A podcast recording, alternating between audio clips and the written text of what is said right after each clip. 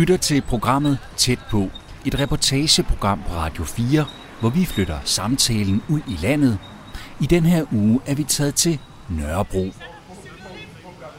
Vi har sat os for at blive lidt klogere på, hvad Nørrebros sjæl er, og hvad der gør netop den her bydel i København særlig.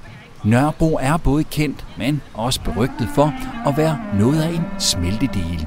Mangfoldigt og multikulturelt. Et sted, hvor mennesker med forskellige baggrunde og med rødder fra de fleste verdenshjørner bor eller arbejder. Jeg hedder Tue Sørensen. Velkommen til, og velkommen til Nørrebro.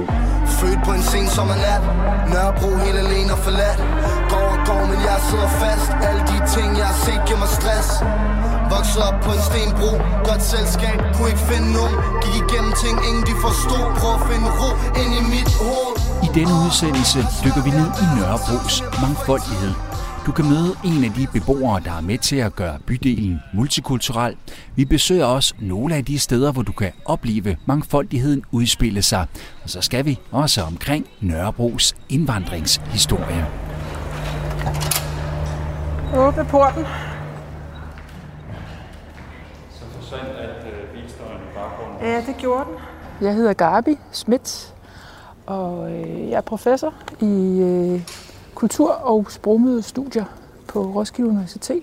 Mit forhold til Nørrebro er, Bro er, er veludviklet, vil jeg sige. Jeg bor her ikke, men øh, i 2009 der begyndte jeg at skrive en doktordisputat omkring Nørrebro, som øh, var færdig og forsvaret i 2015, som handler om Nørrebros indvandringshistorie fra 1885 til 2010.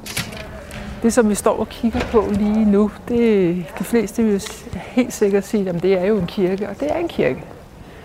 Øh, og det er jo fordi, at øh, St. Josefs Hospital for mig, det er nok en af de mest markante øh, indvandringshistorier overhovedet. For det startede faktisk med fem franske nonner, der kom herop til Danmark i, i 1850'erne. Øh, og det sjove er, at de bliver lukket hertil. Den katolske kirke, kirke er jo ikke særlig stor på det tidspunkt. De bliver lukket til og, og, få får at vide af en guvernante, der er nede med, med sin adelfamilie, at vi skal bare komme herop, så vil den katolske kirke sørge for, at de får penge til at etablere en skole eller et hospital, eller hvad de nu har lyst til. Det synes orden lyder rigtig fint.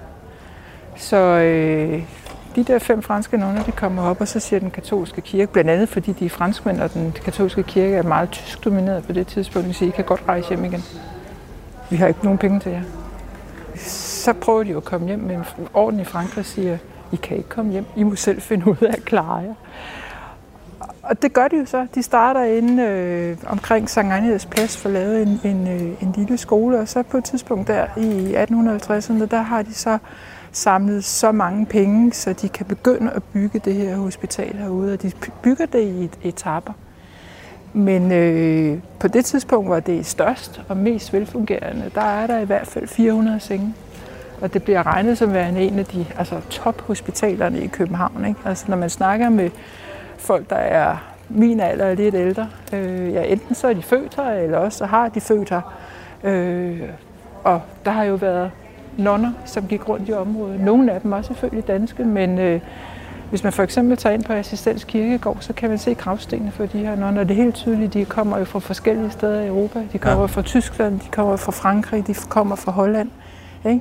Så det har jo, altså, men det her med, at du har det her kæmpe store kompleks, og det er stort, ikke? Det er fire etager opad, ikke?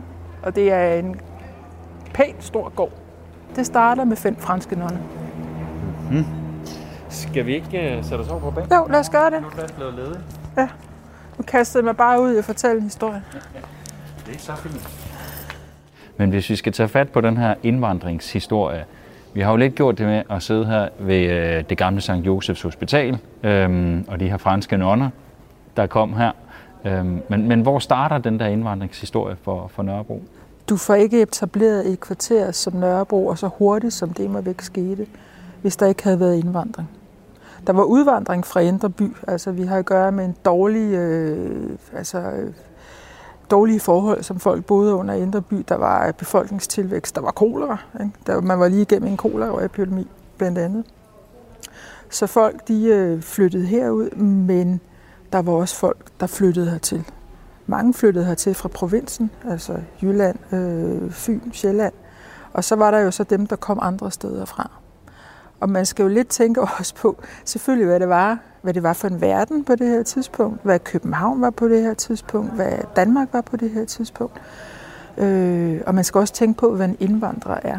Fordi man kan jo så sige, den måde, som vi tænker på indvandrere på i dag, så er det nogen, der kommer langvejs fra. Mm. Ikke? Øh, men dengang, og det kan man for eksempel også se i statistikkerne, øh, der var en indvandrer til København, også en, også rent statistisk en, der kom fra andre dele af Danmark. Og det har også noget at gøre med, at der var virkelig stor forskel på land og på by. Altså de fleste har jo nok øh, fulgt med i nogle af de serier, der har været øh, på Danmarks Radio, blandt andet omkring genforeningen og så videre. Ikke? Altså, det var, det, der, var, der var stor forskel på at komme en lille flække eller en gård i Sønderjylland og så København. Så de beskrev sig selv som indvandrere, og de blev set på som værende indvandrere. Men så er det jo også, øh, hvis vi snakker om den her periode fra 1880'erne og frem efter, øh, de fleste har jo nok set øh, Pelle Robron for eksempel i fjernsynet, eller på det hvide lærred, som jo netop er en indvandringshistorie. En, en svensk indvandrer, der kommer til Bornholm. De fleste vil jo også kende de der, eller kende historien omkring de indvandrere eller udvandrere fra Sverige, der tog til USA. Men nogle af dem tog ikke til USA. Nogle af dem tog til Danmark dem, der boede i Skåne, tog til København, fordi det var billigt, og på det tidspunkt i historien havde du ikke brug for et pas. Så det var jo nemt. Hvis du kunne få et arbejde, så kunne du komme til København. Og det var der pænt mange, der gjorde. Altså, vi taler om, om, om flere tusind. Ikke? Øhm, det var jo også et, et tidspunkt, hvor der skete ting over Østpå. Altså, når vi også snakker om den her første periode. Du har jødeforfølgelse. Du har faktisk også en tilvækst af den jødiske befolkning i Østeuropa, som, gør, som, som er fattig og netop forfulgt, som gør, at der er en del af dem, der for eksempel øh, flytter til øh, London, Whitechapel, eller til New York, øh, hvor man begynder at snakke om ghettoer der, øh, men som også flytter til København. Og de første, de flytter til Indre By. De, vi får en, en indvandring af, af russisk-polske jøder, fra 1903 og frem efter. Øh, de starter med at bosætte sig i Indre By, men langsomt men sikkert, sådan, som de langsomt får fodfæste, så er der jo også nogen, der flytter til Nørrebro. Så øh, det er også en del af udviklingen. Øh, man kan nørde længe med tal, ikke mindst som forsker, men, men øh, hvis man ser på folketællingerne for nogle af de her gader øh, på Indre Nørrebro, hvor vi sidder nu, så var der allerede der i 1890, der var der de der omkring 20 forskellige nationaliteter eller etniske grupper, eller hvad man nu skal kalde dem. Nogle, altså, der var jo også repræsentanter af folk, der kom fra, fra de daværende danske kolonier. Men der var også folk, der kom langvejs fra. Ikke? Og det kan man jo se igennem hele historien. Det er måske ikke fordi, at de har været mange, numerisk mange, men man har for eksempel lagt mærke til dem. Altså de her russiske jøder, som jeg lige har snakket om, de skilte sig jo meget ud. De bliver beskrevet som værende anderledes. De talte jiddisch, de klædte sig anderledes, de var fattige. De var øh, strengt, altså, øh, altså overholdt deres religion strengt. Så det var måske ikke fordi, at der var tusindvis af dem altså på Nørrebro, men de blev lagt mærke til, og de var en del af den her mangfoldighed, som, som allerede var på Nørrebro på det her tidspunkt. Og havner de på Nørrebro, fordi Nørrebro er den fattige del af København. Det er til at få en bolig, man kan betale sig fra, øh, hvis man kan kalde det en bolig ja. på det tidspunkt. altså det er jo også en del af historien, og det, øh, som der er med den her slags ting, så er, det jo, så er der både noget, der siger, ja, selvfølgelig er, der så, er det sådan, men ikke alt. Øh, netop når vi ser på, øh, på den her første periode, så skal vi jo tænke på, at det her det har været nybyggeri godt være, at det var noget skræmmende, når vi kom til 1950'erne og 60'erne, og virkelig skræmmende. Ikke? Men når vi har at gøre med de her nybyggede huse, som lugter af, af nyhøvlet træ, ikke? så har det jo været fedt, særligt hvis du har boet inde i nogle af de der rønner, som var i Indre By, og så flytte herud. Så man kan se, i hvert fald i starten, så er det helt tydeligt, at dem, der for eksempel arbejdede i staten eller for kongehuset, eller havde egentlig havde gode stillinger, de begynder at flytte herud. Du har jo også pænt store lejlighed på Nørrebrogade. Ikke? Mm. Altså, det er jo ikke, det er ikke kun arbejderkvarteret. Men hvorfor jøderne så flytter? Altså noget af det har jo at gøre med, at de gør ligesom alle andre. Altså det gør indvandrere. Hvis du har mulighed for at finde et sted, der er bedre at bo end der, du bor, og du kan betale for det, så gør du det. Ikke? Noget af det hænger også sammen med, at, øh, og det er ikke mindst tydeligt, når vi har at gøre med jøderne, at de øh, bosætter sig meget tæt op og, op og ned af hinanden. Ikke? Nogle gange også i de samme huse. Det gør de både i Indre By, øh, og det gør de også herude. Øhm, og så den sidste ting, og, og det er også det der, man vil sige, når man fordi, var det fordi, at, at det ligesom var arbejderklasse boliger, folk gik efter. Altså en af dem, de indvandrere, øh, eller børn af jødiske indvandrere, som jeg beskæftigede mig med, han blev, han blev øh, bibliotekar på det kongelige bibliotek og har dermed haft en ganske pæn indkomst. Alligevel så, så valgte han, øh, at hans familie skulle bo i en pæn lille lejlighed på Vesselsgade. Den har ikke været særlig stor. Og så kan man sige, hvorfor valgte han ikke øh, Hellerup eller noget, der var mere mundant? Eller, altså, han, manden har haft en god indkomst. Man skal jo regne med, at du har at gøre med, med, med, med jøder, som ønsker at overholde deres religion. Så hvis de skal i synagogen i forbindelse med afslutningen af sabbaten, så sætter de sig ikke ind i deres bil. Det skal være i god afstand. Så hvis du har de der, altså det har også været noget af det, at det skulle, have været, det skulle være forholdsvis tæt på synagogen. Og hvis vi sådan skal bevæge os videre øh, øh, i udviklingen, øh, hvad er så sådan næste bølge? Altså, øh, vi får jo, altså netop, altså nu, nu, nu bevæger du os lidt op i tid, for eksempel til 1960'erne, og der har vi nok vendt os meget til at tænke og tale i den der gæstearbejds indvandring, ikke? hvor vi tænker, vi tænker tyrker, vi tænker jugoslaver, vi tænker den type af indvandrere. Men der var jo andre grupper, som har kommet herop, øh, stort set i samme periode. For eksempel her på Nørrebro, øh, altså noget af det, som man, man tit altså, glemmer, når man snakker om altså for eksempel byens udvikling, eller hvad vi bare har vendt os til at se i bybilledet, så er det sådan noget som kinesiske restauranter. Hvornår søren er det, de kommer? Jamen, de kommer i 1960'erne. Det er der, du begynder at få små kinesiske restauranter og forårsruller og kinagrills. Og det er fordi, at du får en gruppe af, af flygtninge fra Taiwan blandt andet, som flytter til Nørrebro, men også andre steder i byen. Du får også øh, jøder øh, fra Polen. Der er et opgør i det polske øh, kommunistparti, øh, hvor øh, de først bliver indhuset på et, et skib, øh, som ligger nede ved, ved, ved havnen, men hvor der også er nogen, der flytter til Nørrebro. Øhm, og ja, så får du gæstearbejderne, men, men faktisk gæstearbejderne, hvis du for eksempel også sætter dig ned og kigger på tallene, det er en ret kort periode. Altså det er slutningen af 60'erne, så er det lige starten af 70'erne, hvor der kommer, hvor der kommer en, øh, hvad nu det hedder, en bølge, hvis man kan sige det på den måde. Og i starten bliver det jo altså, taget, på, taget imod med kysshånd. Ikke? Altså, der er jo nærmest mod, eller der er modtagelseskomité i, i Kastrup Lufthavn for nogle af dem, der kommer, for man har brug for dem. Men øh, noget af det, som man også ser på det her tidspunkt, det er jo, at øh, at, at noget af diskussionen, der drejer sig om den her indvandring, for det første, så er det jo allerede, når man, hvad gør det i forhold til vores arbejdsmarked, hvad gør det i forhold til vores jobsituation, øh, øh, tager de vores job? Ikke mindst, øh, hvad nu det hedder, fagforeningen, fagbevægelsen er, er opmærksom på det. Men så er der fokus på, hvad er det egentlig, vi byder dem? Hvad er det for en type af boliger, vi byder dem? Og der er helt, det er helt sikkert, ikke mindst på det her tidspunkt, er der nogle boligspekulanter, som tænker i dem, der kommer udefra. Om det er dem, der kommer fra Jugoslavien, eller det er dem, der kommer fra Taiwan, eller dem, der kommer fra Tyrkiet. Og igen, altså, Nørrebro har igennem hele historien været et sted, hvor det var nemt at få en bolig. Det er jo også meget godt, hvis du kommer udefra og måske ikke kender så mange. At øh, her er der et sted, hvor øh, du nemt kan få et bolig. Det, du skal måske ikke betale så meget for det, som du skal andre steder i byen så kan det godt være, at det er noget møg. Ikke? Og det er det ikke mindst i 1950'erne. Ikke? Altså, der, der render jo rotter rundt virkelig over det hele. Ikke? Og der er skimmelsvamp, og det er bare ikke sjovt at bo her. Men det er til at få et sted at bo. Øhm, så der er det, de kommer. øh, og, og, og bliver en del af, af området.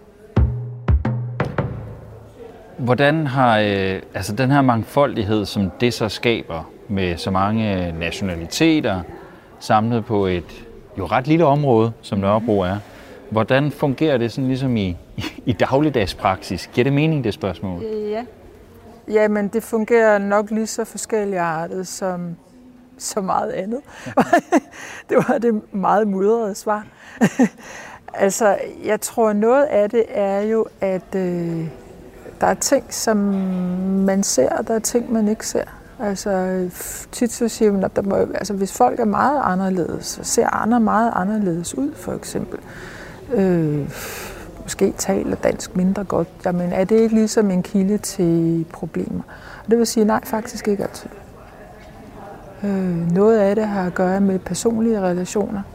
Øh, at man for eksempel kommer til at kende hinanden, at man bliver venner, at man bliver venner med hinandens børn, eller, eller ens børn bliver venner med hinanden og sådan nogle ting. Ikke? Øh, det har noget at gøre med, hvad det er for nogle bestemte grupper, der i en, en, en given historisk periode bliver beskrevet som værende et problem. Altså de færreste af os øh, vil i hvert fald, med mindre der er, der er VM i fjernsynet, eller hvad det nu måtte være, vil se som, på svenskere som værende et problem. Ikke? Øh, hvis du ser omkring det der omkring år 1900, så bliver det jo virkelig set på som værende et, et indvandringsproblem i København, og nogen, som man egentlig ikke ønsker skal være her. Men, men diversiteten og den her mangfoldighed, hvordan man lever med den, jamen jeg vil sige absolut, nogle gange giver den konfrontationer, nogle gange ser man den ikke. Øh, altså der er jo også flere forskellige typer af mangfoldighed. Ikke? Der er, og sådan er det jo også nu, Altså det der med, at du har folk stadig ikke fra arbejderklassen, som bor her, eller øh, drikker for mange øl, eller hvad det nu måtte være, og så har du direktøren. Det er jo også en del af en mangfoldighed. Mm. Øh, du har hipsterne, du har øh, småbørnsforældrene, øh, du har dem, der har lyst til at feste til klokken øh, 4 om morgenen, og du er dem, der har lyst til, at der skal være ro klokken 10. Ikke? Du er dem, der går meget op i deres religion, og du har dem, for hvem det betyder nada. Ikke? Øh, så på den måde at der, der er mange forskellige dimensioner af det her, hvor man kan sige, når vi tænker på mangfoldighed, så har vi også vendet os meget til at tænke i spørgsmål omkring indvandring. Ikke mindst i løbet af de sidste 10 år. Men hvis man kigger nærmere på det, hvis man også kigger på den her dynamik, som for eksempel er her, og også historisk har været her, så er der jo mange ting på spil. Ikke? Spørgsmål omkring social klasse. Spørgsmål omkring, øh, ja, netop hvor det er, man er i livet. Etnicitet, men også mange andre ting. Men på en eller anden måde virker det også som om, at der er en forståelse blandt, hvis ikke alle, så de fleste om, at det er også noget, man skal værne om på Nørrebro. Ja, jeg tror, altså det er jo også noget af det, altså man kan jo bare gå ind og google Nørrebro og se, hvad der kommer op. Ikke? Altså det er jo noget af det, som Nørrebro bliver nærmest markedsført på. Ikke? Altså her der er der rummelig, her er der højt til loftet, her kan du tillade dig at være den, du har lyst til at være en, øh, nærmest, altså øh, på trods af, øh, på alt, altså ja, lige meget hvem du er. Ikke? Øh, men på den anden side, så er der jo også, der er jo også grænser for folks tolerance. Forståeligt nok.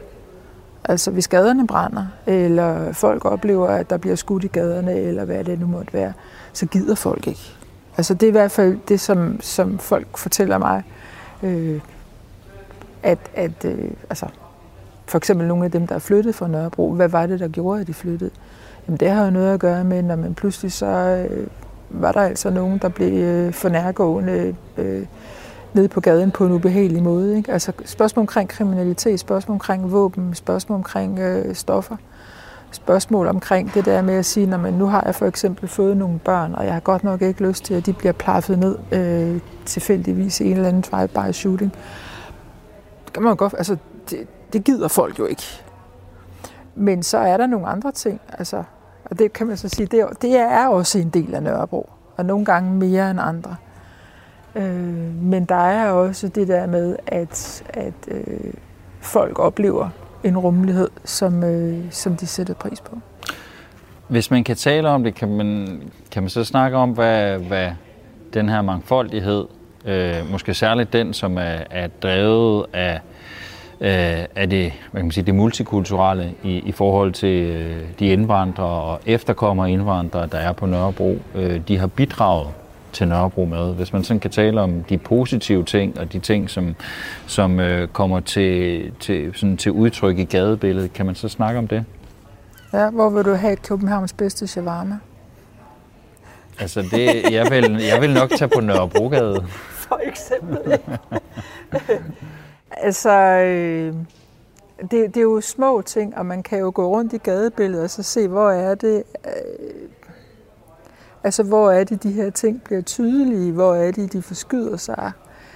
Øhm, Altså Nørrebro er jo hele tiden i udvikling, vil jeg så sige. Der er ting, altså bare prøv at gå ned ad Blågårdsgade og se, hvordan det har udviklet sig i løbet af de sidste 10-15 år. Det ser jo helt, helt anderledes ud. Øhm, men, men altså, altså det er også det der med, når vi tænker bidrag, så siger de jo en del af den måde, som Nørrebro ser ud på i dag. Ikke? Ja, der er shawarma-barne, der er de steder, hvor du kan købe øh, islamisk tøj. Ikke? Øh, der er øh, moskéerne. Ikke?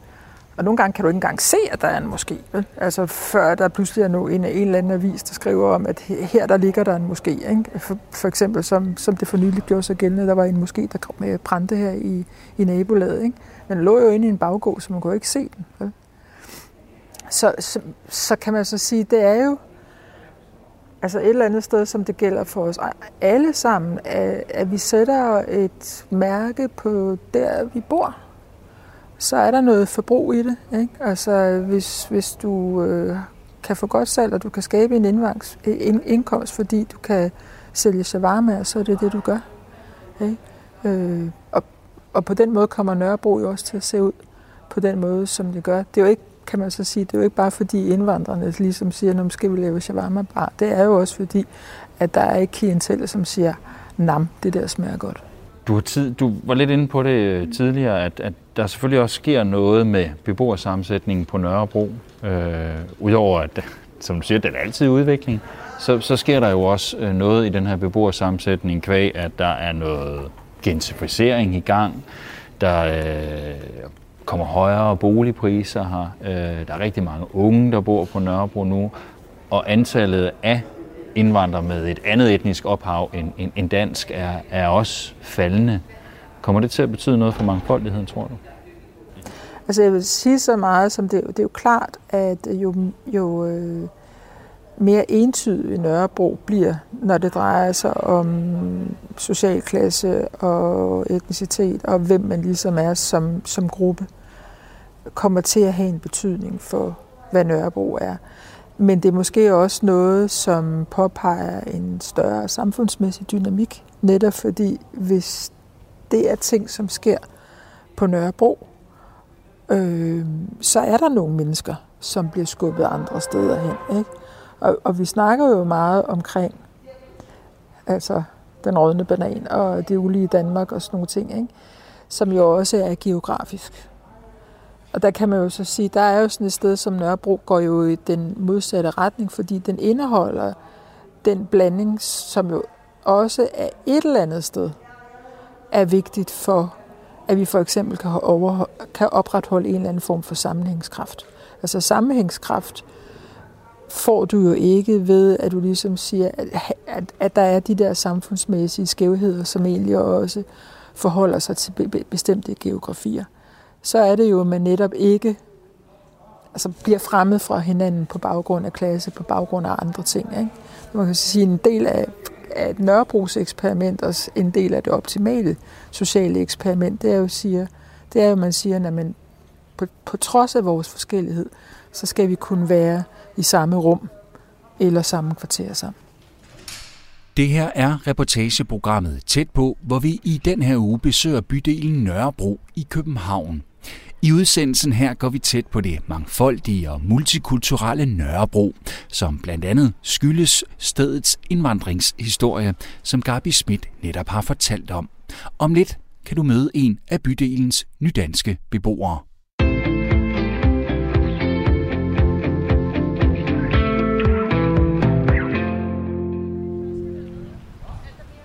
Du lytter til Tæt på på Radio 4, hvor vi flytter samtalen ud et sted i landet.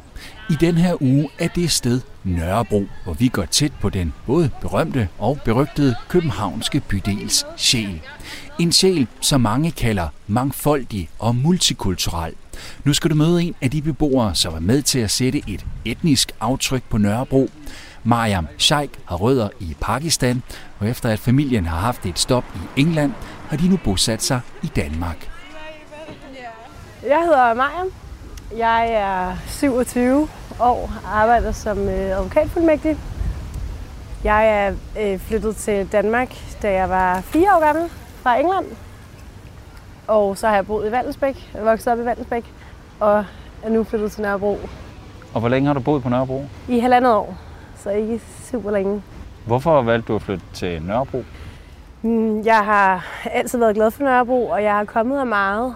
Også øh, altså, inden jeg flyttede hertil. Så jeg, da jeg begyndte at skulle kigge efter lejlighed, købe lejlighed, så kiggede jeg specifikt på Nørrebro især. Fordi jeg synes, det er, jeg synes, det er det hyggeligste område. Og der, er, der er liv på Nørrebro, og der sker noget. Kultur. Der er lidt det hele. Så det var egentlig ja, en, få blandt mange ting, der gjorde det. Jeg synes, har er dejligt. Har, øh, øh, lige, jeg synes, det er, har lokalt og hjemligt. Og, øh, jeg har også mange venner, der bor her. Og det tror jeg også gør lidt for, for hele det der med, sådan, det, når, det, når det er et sted, man er kommet meget og har været meget, så føles det bare meget rart på en eller anden måde. Kan du prøve at beskrive eller sætte nogle flere ord på, hvorfor det er, du føler dig hjemme på Nørrebro? Øhm, jamen, altså, jeg tror både meget, det kommer af, at, at det er et sted, jeg har været meget, men så kan jeg, egentlig- jeg kan, jeg kan godt lide, at der, der sker lidt meget, og der er plads til rigtig mange forskellige typer. Og jeg tænker egentlig ikke kun sådan i forhold til øh, altså multikulturalitet, men også bare forskellige typer mennesker. Og jeg synes, Nørrebro er et rigtig rummeligt sted. Og det er måske det er nok mest det, der gør, at jeg føler mig hjemme. Altså, der er jo både skater og øh, hippier og alle mulige forskellige typer mennesker. Og også bare sådan, tænker på den forening, jeg bor i. Der er vi også enormt forskellige. Og det synes jeg bare er, rigtig dejligt. Det er jo den her mangfoldighed, som mange forbinder med Nørrebro, og som mange siger, jamen, den, den findes på, på Nørrebro. Øh, hvad, hvad er den egentlig for dig, mangfoldigheden? Er det er det, det? Er det, at der der er plads til forskelligheder, forskellige typer, og alle aldre, og uanset om man har den ene eller den anden baggrund, og den ene eller den anden hudfarve, så, så er der plads til alle. Det synes jeg, der er. Ja. Det synes jeg, der er. Og det, det, det synes jeg, jeg mærker en del. Øhm, på mange måder. Men, øhm, men, men det kan jo både være sådan nogle ting, men så er det jo også øh, det her med, at jeg synes, det er rigtig rart, at uanset hvor jeg går hen, så kan jeg finde en øh, butik, der sælger et eller andet lokalt fra, om det så er Thailand eller Bosnien, eller hvad det nu skulle være. Det, det synes jeg også er, ligesom er et godt billede på det. Øhm, altså mine forældre, de øh, tager jo ind til, by, til, til Nørrebro, eller tager ind til byen for at købe lokale krydderier, ikke? Det, altså igen, lidt det her med, at det godt kan føles ret lokalt. Altså, der er ikke, jeg synes ikke, der er så langt mellem mennesker på Nørrebro, som der måske er i andre bydele. Altså folk er, det, det bliver lidt mere lokalt, og det bliver lidt mere hjemligt, og man, man kan godt lige gå hen og, altså, jeg tror, det gik ikke lang tid før, at øh, jeg ligesom var på, på fornavn med min øh, lokale grønhandler. Altså de der ting, det synes jeg er, er, er- lidt et udtryk for den mangfoldighed, der er. Øhm, hvor det kan jeg godt mærke, når jeg er andre steder, nogle steder i hvert fald, at, at den, den tæthed er der ikke på, på hinanden. Og hvordan er den tæthed? Er det, er det en god ting? Det synes jeg, det er. Jeg synes, det er enormt hyggeligt. Og, det, og for mig er det jo sådan... Altså, nu kommer mine forældre fra Pakistan. Og, øh, og jeg har ikke været meget i Pakistan, men det er den oplevelse, jeg har dernede, for eksempel, når jeg så har været der, at, at der er ikke langt mellem mennesker, og det, man kommer hinanden enormt meget ved. Og jeg tror der også, der er nogen... Altså, nu er jeg også som person ret åben og sådan noget. Og jeg tror der også, der er nogen, der måske ikke synes, det er... Øh, altså, at det nødvendigvis er en god ting. Men, men jeg synes, det er enormt dejligt, at det er på den måde. Hvad tænkte du egentlig selv om det, at i det øjeblik, du træffer en beslutning om at sige, at nu flytter jeg til Nørrebro, øh, så bliver du jo også selv en del af den mangfoldighed, og du bliver selv et, et hvad kan man sige, et, et multikulturelt islet i byen. Mm. Var det noget, du var bevidst omkring? Nej, Fordi det, jeg synes ikke, det er noget i sig selv, er noget, der sådan er værd at skulle hverken, øh, altså tænke over på den måde. Uden at, at, altså, der, for mig handler det jo bare om, at det er et område, jeg helt vildt godt kan lide. Og det, har, og det at jeg godt kan lide Nørrebro, har også noget at gøre med, med det, der, hvad der ligesom karakteriserer Nørrebro. Mm. Og det er jo den her mangfoldighed. Så for mig er det jo altså, en, en ret positiv ting. Og jeg tror, at de problemer, der kunne være med det, de, de opstår vel i det øjeblik, man ligesom ikke kan respektere mangfoldigheden og hinanden, kulturerne og sådan noget. Jeg tror, det er der, der ligesom kan opstå noget, men mangfoldigheden i sig selv er jo for mig kun positiv. Har du oplevet nogle problemer med det? Nej, altså det har jeg ikke. Det er, øh, altså jeg synes, der har, jeg kan huske dengang, vi, vi snakkede om, at, øh, at jeg gerne ville købe noget, at der var mine forældre sådan, om Nørrebro, hvorfor vil du derhen? Så var jeg sådan, jamen hvorfor ikke? Og jeg tror måske, det der kan være, altså jeg kan da godt synes, det er lidt ærgerligt, at der er lidt at, at skabt et billede af Nørrebro, som, øh, som et sted, man ligesom skal holde sig fra, eller passe på, eller ikke gå, gå sent hjem alene og sådan noget. Og det, jeg, har aldrig, jeg har aldrig oplevet noget. Jeg har aldrig følt mig utryg. Og jeg har ikke sådan den der oplevelse af, sådan, okay, det sted skal jeg ikke komme efter klokken 22, fordi der er blade. Altså det er, jo, det er jo, så kan man snakke om, det er en forestilling, som nogen har skabt udefra. Mm. Folk, som måske ikke bor eller kommer på Nørrebro. Mm. Men, men fra noget, som jo egentlig burde være en positiv ting, altså mangfoldighed, mm. Så også lige pludselig bliver til noget, som folk kan opfatte som noget, der skaber noget meget negativt. Mm. Hvorfor, hvorfor tror du, det sker? Jeg tænker, der er vel både noget historie i det. Altså, at, at Nørrebro... Der har været mange tilflyttere gennem årene øhm, fra forskellige, altså med forskellige baggrunde, og det har jo gennem årene nok haft skabt et eller andet øhm, uro men så tror jeg også, det har noget at gøre med, at der bare er enormt mange mennesker på Nørrebro i forhold til mange andre steder. Øh, altså det er mange mennesker samlet tæt, og så tror jeg da også, at så kan man sige, så er sandsynligheden for, at der, er, at der er nogen, der kommer på tværs af hinanden, også lidt større, end, end hvis man ikke boede så tæt, som man gør her. Ikke? Det, det vil jeg sige, det, det vil nok blive bøde. Er det irriterende, at man skal have den diskussion, når man snakker om Nørrebro altid? En lille smule, synes jeg faktisk. Øhm, men jeg vil så sige, jeg tror ikke, der er langt fra, at man står, altså man, man står på den side, hvor man tænker, ah, Nørrebro, der sker ikke hen til, at man så rent faktisk er her og tænker sådan, men der er jo ingenting. Altså den, jeg tror, det, det er en ret, øh, det er ikke en særlig stor grænse, eller hvad man kan sige, overgangen fra, den ene, fra det ene synspunkt til det andet er ikke særlig stor. Og jeg kan da godt sådan, jeg kan da også godt fornemme det, sådan, når jeg så har haft mine forældre på besøg og sådan noget. Så øh, der var lige en gang, hvor øh, min mor var der, og det var der, hvor Rasmus Paludan var i gang med at sætte øh, ild til skraldespanden lige ude foran mit vindue. Det var, sådan, det var lidt uheldig timing, hvor jeg, tænkte, hvor jeg også sagde til hende, det her, det sker altså ikke normalt. Men, øh, men ellers har jeg jo ikke, jeg har ikke oplevet noget, Nej. hvor jeg har tænkt sådan, okay, det er det her, der bliver snakket om i medierne. Ikke? Altså den oplevelse har jeg ikke haft. Hvor vigtigt er det, at den her multikulturalitet den bliver ved med at være der på Nørrebro? Altså, hvor vigtig er den for dig? Tror du, Nørrebro vil være Nørrebro uden den? Nej, det tror jeg ikke. Men det er også det, jeg har svært ved at forestille mig, at man skulle gøre noget, altså på den, på den måde gøre noget aktivt for det, fordi den bærer præg af de mennesker, der er her, og de mennesker, der bor her. Og så længe Nørrebro bliver ved med at være mangfoldigt med mange forskellige mennesker og, og folkefærd, så tror jeg, at det bliver ved med at være sådan her når man, jeg tror, når man engang har haft det sådan her, folk, der flytter til Nørrebro, er jo bevidste om, hvad der er på Nørrebro, sådan, til en vis grad.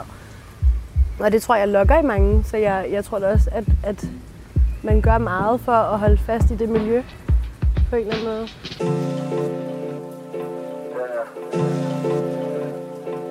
Både i gode tider, hårde tider, ved vi livet det går videre, fra baggård til forsider, ved vi livet det går videre, uh. Inden der by betonblok på bordet får ingen blomster gror Vi skal nok blive ved at knokle mor Og vi skal nok love at holde vores ord. Men ingen jeg kender tænker rationelt. Lever for at klare os selv. Alt det vi forklarer os selv. Ingen plads til sarte sjæl. I landet er de fattige. Har man intet andet end at have noget at have det i? For lige så snart vi ikke står for noget så falder vi. Og lige så snart noget i går Så lever vi sikke en kattepin. Historier fra de gader, jeg er født på. Holder hovedet højt for ikke at dø ung. Lever som en syndebuk, men fik en melodi, jeg kunne synge på. Og mere i mit glas, som jeg kunne synge på. Vi gik fra drengestreger til fester med de lange streger. Mange nederlag gør, vi kun kan ramme sejr.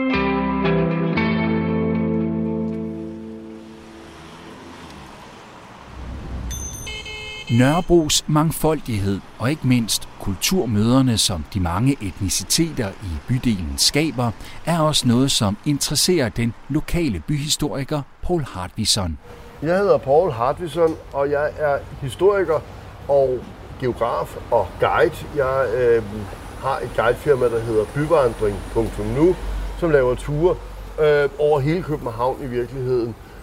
Og øh, så er jeg bosat på Nørrebro, og det har jeg været ja, i øh, over 15 år, efter jeg flyttede med min kæreste, der boede på Vesterbro og øh, på grund af byfornyelse blev genhuset på Nørrebro. Så det er sådan lidt tilfældigt, at, øh, øh, at det er her, jeg er endt. Men øh, der har jo, det er jo så et område, som jeg har, har lært bedre og bedre at kende gennem al den tid, jeg har boet her. Vi har allieret os med, med lidt cykler, så vi kan komme godt rundt. Så, Ja, men altså, så det- helt vandring bliver det ikke, men uh, kombineret vandring og, øh, Ej, og hvis, vi, hvis, vi, hvis vi skulle tage vores hele den her Nørrebro-vandring, hvis, hvis man skulle tage den til fods, så ville det være Grand Tour på mindst øh, øh, fem timer med øh, frokost i midten. øh, Vi tager den forkortede udgave af Grand Tour, så. Altså, det har altid været et indvandret kvarter på den måde, at øh, de mennesker, der, altså både folk, der boede i Indre By, der, der flyttede ud til, altså den gamle by inden for Voldene, der flyttede ud til Nørrebro, men der var også de her folk, der kom fra, øh, fra andre, andre dele af Danmark eller Skandinavien og, og, og, og slog sig ned. Det var relativt billige lejligheder, så øh, nye tilkommende kunne ende på, øh, altså kunne ende på Nørrebro. Og, øh, så sker det måske også lidt paradoxalt i forbindelse med, at der er sanering og nedrivning og bliver bygget øh, nye almindelige boliger. Så bygger man gode gedine 3-4 øh, værelses lejligheder med, med køkken og bad i stedet for det gamle, og har en forventning om, at der vil der komme nogle danske øh, familier med arbejderklassebaggrund, der gerne vil flytte fra en toværelses lejlighed øh, til noget lidt bedre. Problemet er, at det er storskalaplanlægning. Det er nogle formodninger, man har gået med i mange år. Og, og hvad hedder det, og det har taget noget tid at realisere, og i virkeligheden så har livet og markedet bevæget sig hurtigere. Så hvis du er faglært arbejder i 1900 og, og hvad hedder det, 75, så vil du hellere, øhm, altså, så vil du sgu da hellere købe et rækkehus et eller andet sted, eller et eller andet med have, altså, og du har råd til det, ikke? Øh, altså, nu ved jeg så ikke lige med 1970'erne, hvor der var, var krise, men i hvert fald så de folk, det var tænkt til, de flytter ud, og så får man samtidig en situation, hvor der kommer øhm, øh, flygtninge og indvandrere, som man ikke ved, hvad man skal gøre med, og de ender så ofte i det, øhm, øh, øh, i det byggeri. Og det er jo sådan noget byggeri, som jo er i, tænkt i den der store skala. Øhm, så det er kun byggeri. Mjølnerparken, der jo ligger ved Superkilen, det var en papirfabrik. Der lå en papirfabrik, der blev revet ned, og så blev der bygget det her, som bare var lejligheder.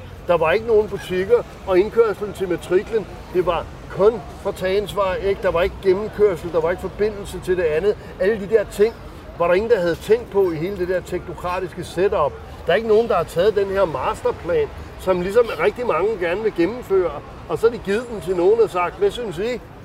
Og så siger, der mangler lidt grønt, og kunne der ikke være et supermarked og sådan noget der, ikke? Så på den måde, så er det hele bestemt ovenfra. Og så øh, får man, man får jo, altså man får det, man laver. Øh, og, så, øh, og så kan man så sige, at, at, at der er en masse problemer designet ind i sådan øh, nogle almennyttige boligområder. Nu kan man så sige, at det der for eksempel ligger på Indre Nørrebro, ligger spredt ud i hele kvarteret, hvor der var skal vi sige, huller i boligmassen. I Mjølnerparken, der er det bygget sådan totalt.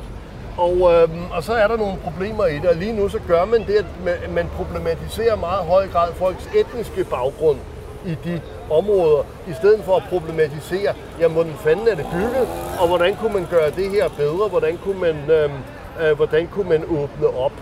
Så øh, altså, jeg synes ikke, jeg synes, jeg, jeg, jeg, jeg synes ikke løsningerne er specielt kreative.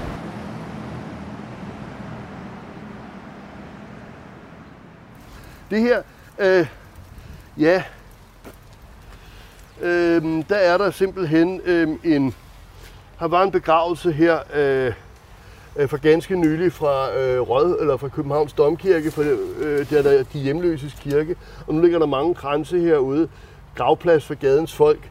Øh, det er så Leif Sylvester Petersen, der har lavet den lidt løjelige skulptur her. Men det er et sted, hvor man kan komme og mindes de hjemløse. Det kan godt være, at folk, der er hjemløse, når de dør i virkeligheden, så kommer de så at sige hjem til, hvor de stammer fra, og bliver begravet i et familiegravsted. Andre bliver begravet her måske. Men hvis man vil mindes, så kan det være, at, at det er her, man skal mindes, selvom at folk kan være begravet et andet sted. Så der ligger jo et ocean af, af, af blomster. Jamen, jeg var forbi der øh, øh, øh, ved Domkirken her i, øh, i fredag, så der, der, der var det altså folk med fra som med hus og bitasker og så videre, der, der stod der og en rustvogn og så videre. Så det Der ligger også en uh, pose, hvor der står sand, som er de hjemløses Ja, landsorganisation. ja, altså, øhm, så på den her måde, altså det er jo også, altså det er måske også det, man kan sige, et, et sympatisk ideal, at der også er, altså det er jo, det betyder, det er jo også noget af det, som, altså enten med, hvordan enten man er i religion, at, at kirken også står for en vis rummelighed for øhm, de anderledes. Du har lov til at være og være begravet, også når du er hjemløs. Du har lov til at, at, at høre til et sted. Og det er, er, og det er, måske, det er måske noget af det, som også er i byens anonymitet, selvom at, at det kan være svært at komme hinanden ved på kryds og tværs, så skal der også være en plads til alle. Og det er jo det, der er på Nørrebro. Skal vi, uh, skal vi cykle videre? Ja, det gør vi bare. Når man så kommer under broen her, så slår Nørrebrogade sådan slår et ordentligt knæk og bliver til Frederikssundsvej. Og, øhm, øh, øh, og så er vi faktisk lige på kanten af det, der hedder Nordvest. Og øhm, mm, vi står på sådan en, øhm, vi står på sådan en, en plads foran det, der var Lygten station. Det var den gamle øh, Slangerup-bane, og i dag så løber de spor, det er jo i virkeligheden det, der er, er S-toget til Farum, så går den så heller ikke videre. Øh, og Københavns Kommune, det gik kun lige præcis her til 1901, og så blev de her store områder opkøbt. Men der havde allerede noget at være noget småbyggeri, så det her, der får man virkelig et Klondike-præg, og, øhm, og, og, og nu er der altså gang i, i, i, øhm, i det her sådan lidt tilfældige marked. Det lader til at være øh, især folk fra øh, forskellige dele af verden, der sælger tøj og, og, og genstande, apparater og så videre. Og, øhm, sådan øh, øh, på en meget improviseret måde. Det, det vil sige, det er sådan også relativt... Det, sgu det ser man sgu ikke så mange andre, andre steder end her. Altså, hvis man virkelig skal opleve altså, øh, mangfoldigheden i Danmark, øh, hvor den er, er, er nemmest at se, så er det lige her på grænsen mellem Nørrebro og Nordvest. Ja, hvis man kigger sig rundt, så kan man, ja, man kan jo se folk af forskellige farver og nationaliteter. Øh, jeg skyder på. Vi har både afrikansk, øh, arabisk oprindelse, der er måske også noget østeuropæisk. Ja. Øh, så er der selvfølgelig kan man sige, etniske danskere også. Ja, ja, et, et, et. Og der er unger, der er gamle. Ja, det er rigtigt, det er rigtigt. Ja. Og, det, og det er sådan, øhm, altså jeg ved sgu ikke, om man kan, altså om man kan leve af det der, men altså hvis man nu kan, kan rydde ud i skabet eller sådan noget der, så kan man sælge lidt. Og så er det så spørgsmålet, ikke, at for nogle mennesker, øhm, der kan det være, at de i virkeligheden er udokumenterede øh, hjemløse i Danmark og, og klunser og, og, og snupper, hvad de kan og sætter det her. Men der kan også godt være, øh, der kom sådan en pensionist der med en rullekuffert, han så sådan måske lidt kan sige, mellemøstlig ud, eller sådan noget der. Altså det kan da være, at han har, de har tømt skabet hjemme hos ungerne, øh, øh, og, og så sælger han det her, og det kan være, at det meste er for sjov. Altså det er sgu da sjovere at sidde her og sælge og tinge og snakke med de andre, end det er bare at sidde derhjemme, ikke? Altså. Nå, bryder det yes. Øh, nej, den der, nej. Ja, der kommer en pølsevogn der. Nå ja, men det er ikke, min, Ja. det er ikke vores. Ja, så det er lige pølsemanden, der kommer. Han skal bruge det her hjørne af pladsen. Det er en udmærket, øh, det er en udmærket pølsevogn. Og, og øhm, altså ja, der er nogen, der har, har sat en rygsæk på deres, øh, rygsæk på, på deres cykel der. Han sætter den lige hen til træet. Det er meget hensynsfuldt, ikke? Jo, det er så. Altså professionelt. Så, så bliver der plads til pølsevognen. Ja, ja, det skal der nemlig også være, ikke? Det der med mangfoldighed, og at det er noget, som øh, mange forbinder med Nørrebro, er det sådan også historisk set en del af selvforståelsen for bydelen Nørrebro og for dem, der bor her? Nej, altså det var jo, altså man kan se, hvis man kigger på, øh, Altså for eksempel, hvis man følger Facebook-grupper med, med, med Nørrebro-gruppen, så er der både folk, der øh, ja, går op i, går meget op i, i, i sådan, altså, det, det er meget forskellige. Altså, altså, så hvis vi ser på sådan nogle så for eksempel Facebook-grupper om, om, om Nørrebro, hvor der er billeder, så er der nogen, der dyrker meget de gamle billeder og den gamle hygge, og, og man kan se, at der er nogle grædesmiley'er, når der er et eller andet nyt, og noget, der er blevet revet ned, eller i hvor var det hyggeligt, ikke? Og andre, de taler jo, de viser jo altså billeder af noget af det spraglende og uventede, som kvarteret også er, der jo er, er, øhm, altså er fuld af, af, af dynamik. Øh, hvis man er vokset herop for nogle år siden, øh, frem til 70'erne eller 80'erne, så husker så har man jo set, oplevet et kvarter øh, præget af masser af børn, masser af folk, der arbejdede, øh, og travlhed, der går ind i forfald. Og hvis man kommer her senere, så kan man opleve en bydel, der jo sådan lidt rejser sig og fra forfald og snubler lidt igen og øh, bliver et attraktivt sted, og så bliver præget af konflikter, og så alligevel udvikler sig. Ikke? Så øhm, den har flere identiteter, men jeg ved godt, at der er nogle folk, som har en meget, meget klar idé om, at Nørrebro er sådan. Og øhm, for eksempel, at øh, man godt kan protestere i forbindelse med Black Lives Matter, men, men så kan man sige, at hvis man så begynder at snakke øh, om, hvad skal vi sige, øh, øh, øh, hævndrab på kvinder fra mindretalen eller et eller andet den slags til sådan noget æresdrab, ikke? Altså, jamen så man pludselig, risikerer man pludselig at være enige med nogle folk, man ikke har lyst til at, at, at være enige med. Ikke altså? Og så kan der godt være en, en, en, en øhm, altså, altså der, kan, der kan jo faktisk godt være, en, øh, øh altså, øh, det kan, tingene kan jo øh, øh splitte i forskellige retninger. Og jeg, vil, altså, jeg har jo også lært på en eller anden måde, altså et eller andet havde lært jeg jo, da jeg gik til konfirmationsforberedelse, ikke? selvom jeg ikke er konfirmeret, men skal jo ikke dømme andre, ikke? Og jeg kan da godt stå her og, og, og dømme, hvad er det, der foregår her, når folk sidder og sælger. Det er helt garanteret også øh, ikke noget, der bliver opgivet til skattevæsenet og sådan noget der. Men man må også sige, at øh, det er ikke noget, der vælter økonomien. Det er ikke noget, der holder... Altså, jeg tror, der er Nikolaj Vammen og andre hovedpiner end det her, ikke? Altså, så, øhm, øh, så det er jo også en aktivitet. Der sker også noget. Det har jo nogle, det har jo nogle meritter i sig selv. Men øhm, det er også svært at finde en, altså en by, det er svært at finde én sandhed. Så er der udover, udover, det, at, øh, udover det, at folk kan bo her, så bliver folk også tiltrukket af et område. For eksempel er Nørrebro Nordvest, det er også steder med mange hjemløse. Det er let at være anderledes. Det er et nemt sted at mødes. Øhm, og lige uden for Nørrebro, der ligger rigtig mange friskoler. Der ligger mange øh, muslimske, men også kristne friskoler i det her område. Fordi at her kan du pendle til, enten du bor øh, i, øh, altså i, i, i Hundi eller Hørsholm. Ikke? Altså, og det vil sige, at det her det er et sted, hvor folk kommer. Og som et sted, der har været et, haft en stor indvandrerbefolkning. Hvis man går på Nørrebrogade, særligt den her del fra Nørrebro station og ind, altså, der finder man så mange, øh, der finder man en del arabiske butikker.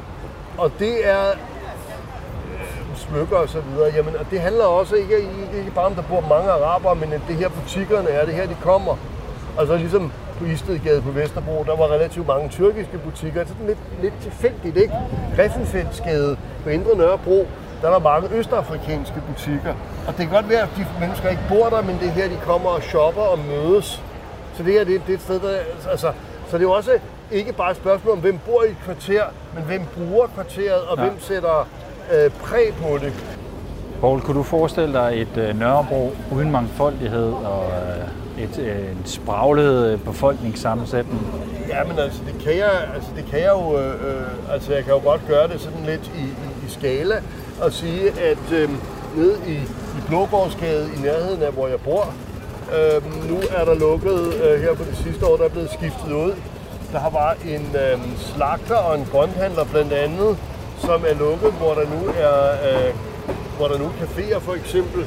Øh, det bliver sådan mere, mere øh, et trendy, det bliver mere et café-kvarter. Også at det samme er sket omkring øh, Sankt Hans Torv. Det var meget mere, skal vi sige, socialt varieret område, der nu virker sådan på den måde socialt mere ens, ikke? Altså øh, færre hjemløse, færre junkier, dem savner man måske heller ikke, altså.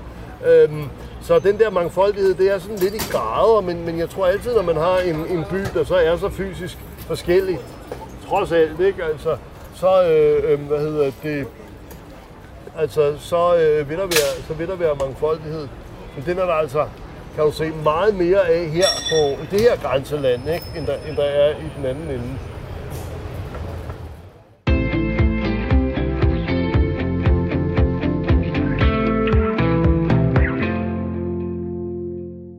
Du har lyttet til reportageprogrammet Tæt på på Radio 4, som i den her uge går tæt på Nørrebro.